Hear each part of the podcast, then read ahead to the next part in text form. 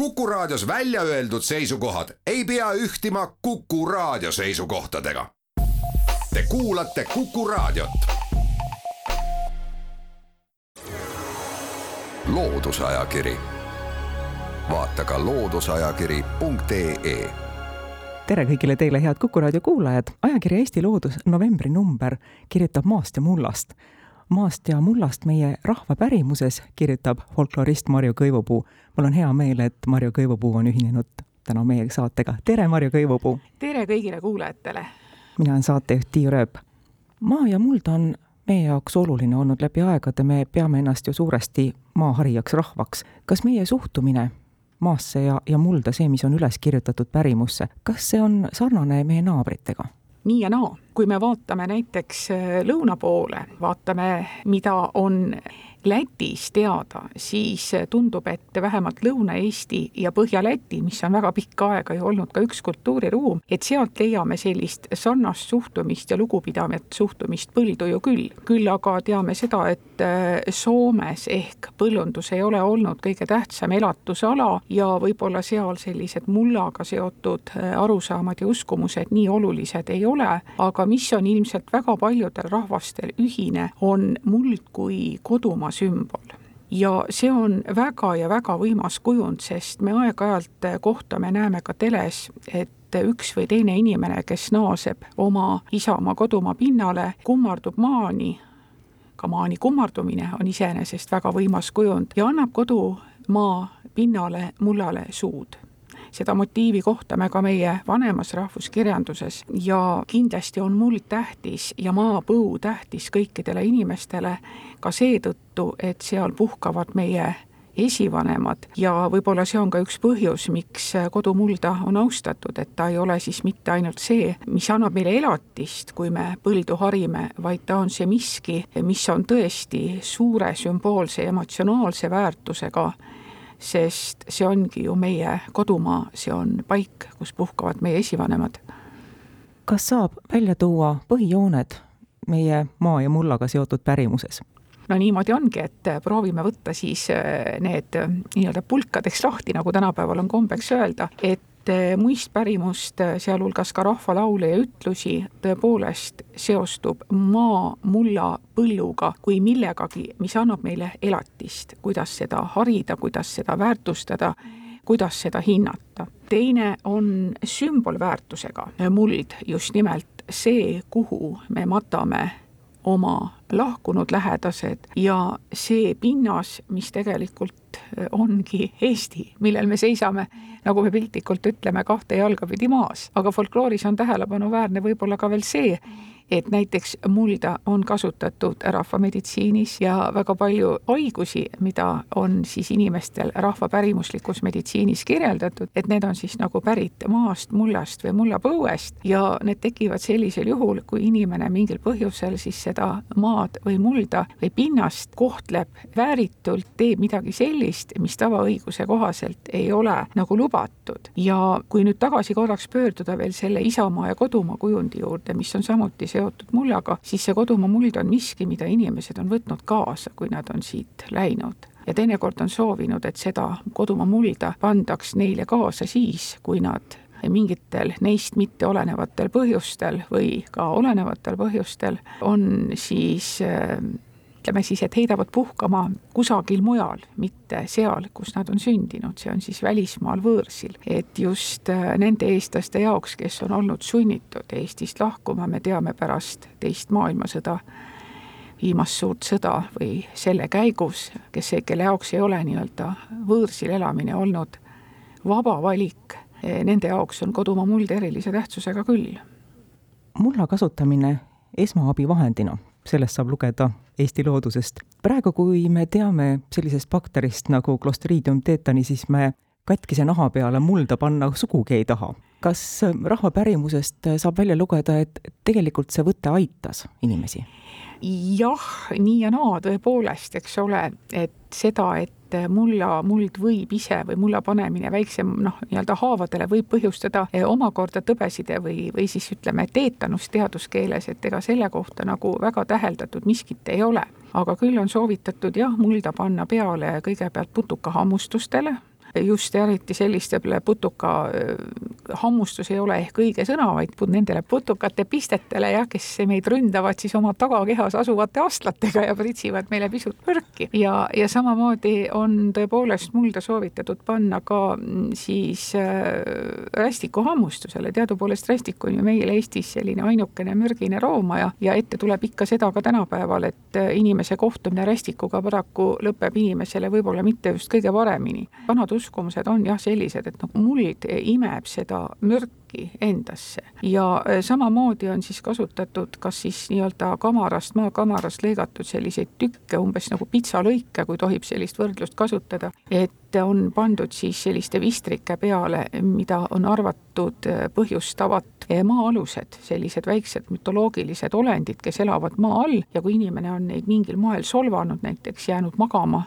nende mm, kodu peale või kogemata kombel on oma keha kergendanud selles kohas, kus maa-alused elavad, et, et siis võib jah, saada, saada mingisuguse sellise, et nahk läheb kärna või vistrikud, noh ega me ei oska öelda tänapäeval, et missugune meditsiiniline diagnoos see täpselt on. aga siis on soovitatud jah, võtta enam-vähem sellest kohast siis lõigata selline paras viil seda pinnast või kamarat ja panna haige koha peale selles usus, et siis eh, haigus läheb sinna, kust ta tulnud on, vot see on see rahvameditsiini põhi üks selliseid fundamentaalseid või põhilisi arusaamu, et kui sind tabab mingi tõbi, siis ta tuleb saata sinna, kust ta arvatavalt tulnud on.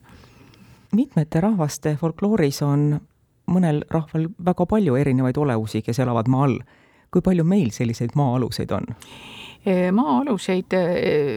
noh, neid tuntaksegi kui maa-alused ja üldiselt nende kohta sellist pärimust on iseäranis kirja pandud läänepoolsest Eesti osast ja saartelt, nii et võib oletada, et siin näha ka Skandinaavia kultuurikontakte, aga jah, väga nagu ehk mujalt Eestist ei ole kirja pandud, mis muidugi ei tähenda alati seda, et võib-olla seda või teist pärimust ei ole kunagi ammustel aegadel tuntud, sest me peame meeles pidama seda, et süsteemselt hakati pärimust ju kirja kirja panema üheksateistkümnenda sajandi lõpul ja seda koguti nende inimeste käest, kes seda mäletasid sellisena, nagu see nende jaoks oli välja noh, kujunenud, aga mis võib-olla varasematel aegadel oli, selle kohta me saame teha oletusi, sest et paraku küsida ei ole ju kellegi käest enam võimalik. Teie Eesti Looduse artiklist, kui lugeda Rapla ja Nissi kandi regivärsi üleskirjutusi, neid lõike, mis on Eesti looduses ära trükitud. tuleb välja, et meie vaarisad ja vaaremad teadsid väga hästi, mis asi on elurikkus, et seda tuleb hoida. nojah, seda võib tõlgendada ka eh, niimoodi eh, mõnel ajal ja ongi tõlgendatud teatava laiskusena, et näed, kuidas ei harinud kogu põldu üles, eks ole, aga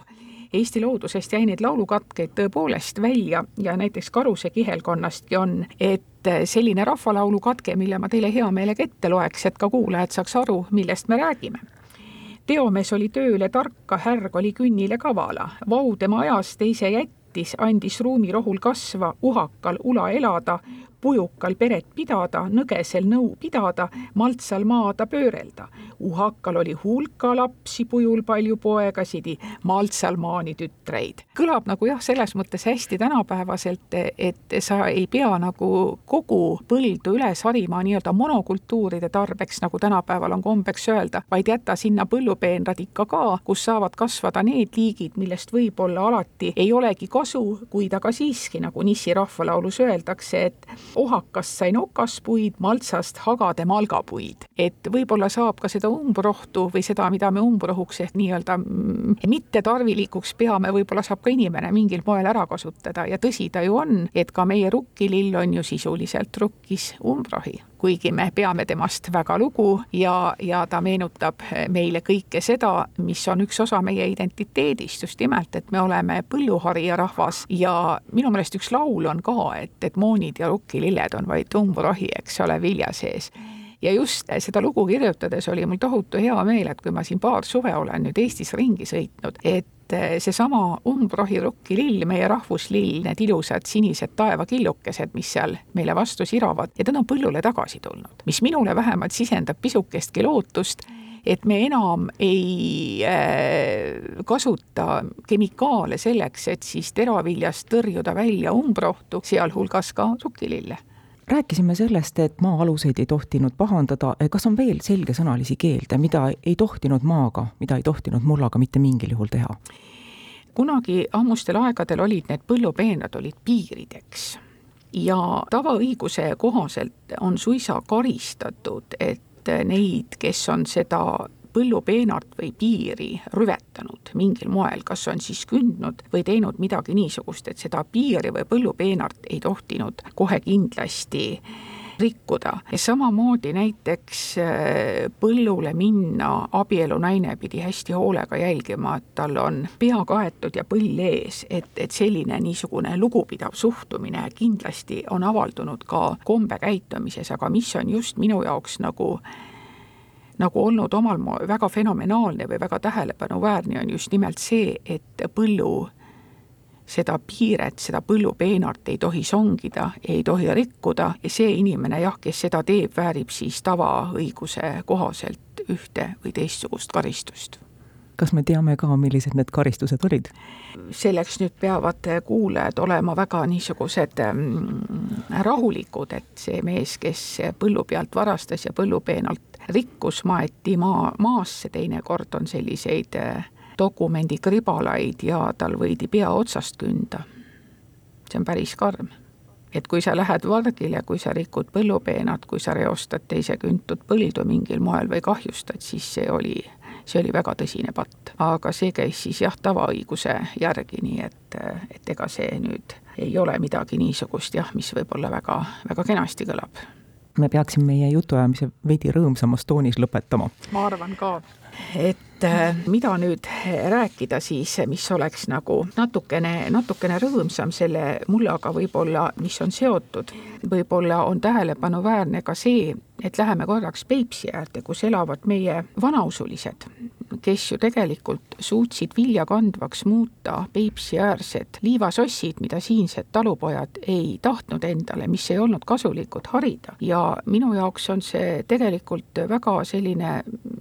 unikaalne fenomen, kuidas kasutada ära umbrohtu selleks, et järgmisel aastal kannaksid peenrad tomateid, kurke, sibulaid, mida me kõik tahame süüa. Ja nad on teinud seda inimpõlvi ja aastasadu. Ja taaskord see on olnud kõik see, mille poole me püüdleme, ökoloogia ja rohepööre, kuidas kõik hästi korralikult ära kasutada. Ja kuna mulla harimine, maa harimine vanasti, vanadel aegadel, ka minu lapsepõlves oli üsna raske ja keeruline töö, siis äh, vahel mulle tundub, et et me vist väärtustamegi kõike seda pisut rohkem, mis tuleb natukene raskelt. kui mulla ja põllu harimine tuleb väga kergelt kätte, tänapäeval on moodsad masinad, traktor sõidab rõõmsalt ise, vaatad niimoodi puldiga juhid, vaatad, kuidas tarkvara seda kõike teeb, et võib-olla me enam ei oska seda niimoodi väärtustada. kui saak on väga hinnaline, teda on vähe,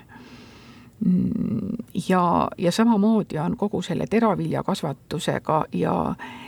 ja üldse ka maa harimisele, noh tegelikult oli see ju väga oluline revolutsioon, kui tabati ära, et saab kasvatada nii suvi- kui talivilja, eks ole, et, et kuidas jätta maa kesasse ja, ja kuidas seda kõike hästi ökonoomselt kasutada, et, et sellised nipid ja ütleme, selline elutarkus on minu arvates tänapäeval hästi tähtis ja võib-olla peaksime mõtlema, et millal me selle kaotasime, millal meil tekkis illusioon, et kõike on ohjeldamatult palju ja see kõik, mida on ohjeldamatult palju, ei lõpe tegelikult kunagi otsa. et meil ei ole oma rahvusmulda, meil on küll väga erinevad nimetused erinevate muldade kohta, ja see võitlus kiviste põldudega on kirjutatud sisse Tammsaare ja paljude teiste kirjanike teostesse, et me jah, võiksime, võiksime nagu sellele rohkem mõelda, et kuidas väärtustada mulda ja võib-olla võiksime tõesti valida ka rahvusmulla. Me tegelikult ju seda, seda ei ole üldsegi nii lihtne, et me räägime küll mustast mullast ja räägime võib-olla sellisest rähksest mullast ja räägime õhukestest paepealsetest muldadest, aga see on niisugune väga keeruline, et kuidas sa valid nüüd rahvusmulda kui sümbolit, sest must leib ja must muld on miski, millest me ju pidulikel puhkudel ikka räägime jah, saarlastel võib olla üks arvamus ja Kesk-Eesti inimestel hoopis teine, milline on üks väärt muld, mida valida. Ja, ja samamoodi ka näiteks Lõuna-Eestis, kus on, pinnas on suhteliselt savine ja kus on üles haritud pigem selliseid jõeäärseid lammimuldasid, mis on tõesti viljakad ja, ja mis kannavad saaki, sest et ise nende saviste muldmaade peal üles kasvanud lapsena ma tean, et see sobib küll rohkem telliste ja pottide valmistamiseks, aga, aga kui ta sul ikka suvel lõhki kuivab, siis ega seal suurt midagi ju ei kasva, mis sügisel sünnib suhu pista. suur tänu Marju Kõivupuu saatesse tulemast seekordne saade sai teoks nii, et saatekülaline oli Kuku raadio Tallinna stuudios, saatejuht Tiir Ööp Tartus. maast, meie emast ja mullast, meie õest saab lugeda ajakirja Eesti Loodus novembrinumbrist ja mina ütlen omakorda aitäh kutsumast ja ostke ja lugege ikkagi Eesti Loodust, sellepärast et see on üks äraütlemata hariv ja tore ajakiri. aitäh kuulajatele, kena reede õhtu jätku! loodusajakiri vaata ka looduseajakiri.ee